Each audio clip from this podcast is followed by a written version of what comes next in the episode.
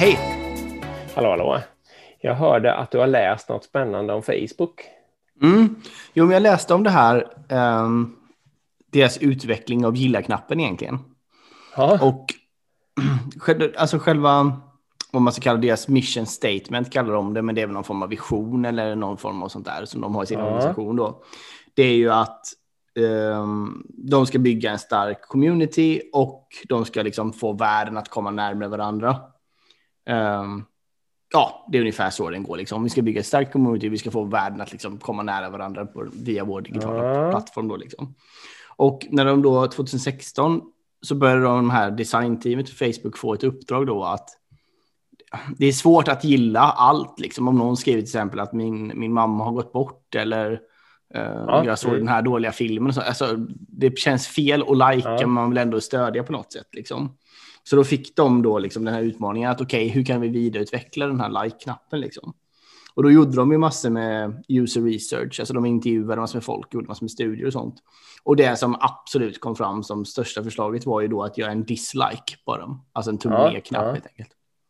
Problemet med det då, det var ju att det gick ju då emot att få folk att komma närmare varandra. Ja. Alltså en dislike, en tumme ner, kan ju misstolkas liksom. Du skriver Ja. typ yes, jag har fått ett nytt jobb och jag gör en tumme ner. Jaha, tyckte jag det var dåligt då att du fick det här jobbet? Ja. Eller tyckte jag det var dåligt att, och du förstår, det kan liksom tolkas Ja.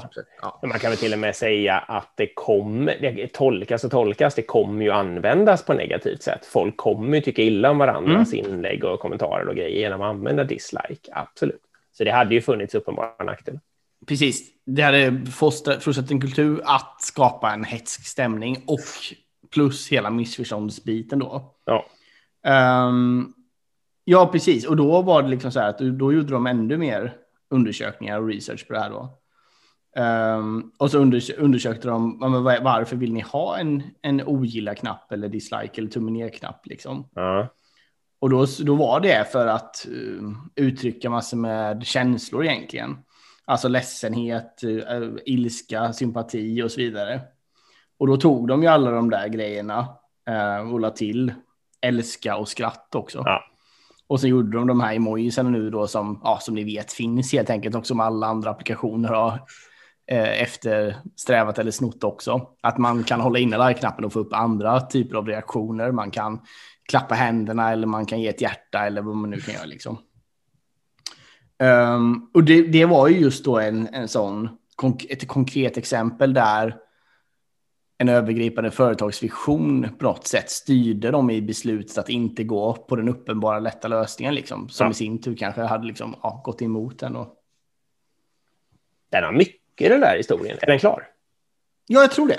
Nej, för, för dels är det ju det då att följ din, alltså syftet med organisationen eller vad, kalla det vad du vill, men följ ledorden liksom. Mm. Men sen har den ju det i sig, om vi pratar design thinking och sånt där.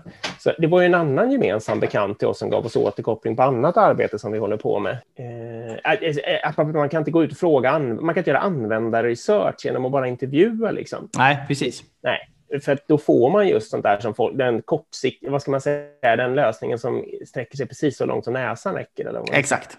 Eh, Däremot så kan man gå ut och anteck- sätta sig bredvid en användare eller intervjua en användare eller något sånt där, förstå vad den egentligen eh, har för behov och förstå hur den resonerar och vad den använder och sånt där. Och sen själv tänka ut hur man på bästa sätt ska möta det. Mm. Eh, Och det kan man ju säga att den här historien också verkligen har gjort. Mm, ja, det är, bra observation. Jag, jag har tänkt på det också. Just det här, speciellt just det med att jag hade nog snabba tanken är ju såklart, finns det en gilla-knapp, varför finns det inte en ogilla-knapp? Eh, men men det, är, det har ju blivit, och jag menar som sagt, det här är ju inte bara, det här är inte Facebook specifikt bra. Titta på alla sådana här grejer på LinkedIn och överallt. Ingen har en ogilla-knapp. Alla har ju verkligen kopierat det. Det här var ju ett smartare sätt att lösa det på. Du kan fortfarande göra en arg gubbe om det är någon nyhet som du tycker Ja. till exempel att Trump blir förlängd som president. Liksom. Du vill ändå göra, men då har du ilska istället för tummen ner, liksom, som är ett Mm. bättre uttryck för det. Ja, precis. Ja, men bra. Det var dagens, lill- dagens lilla spaning. Vi ses, hörs imorgon. Ja, vi, vi hörs bra. Hej. Hej.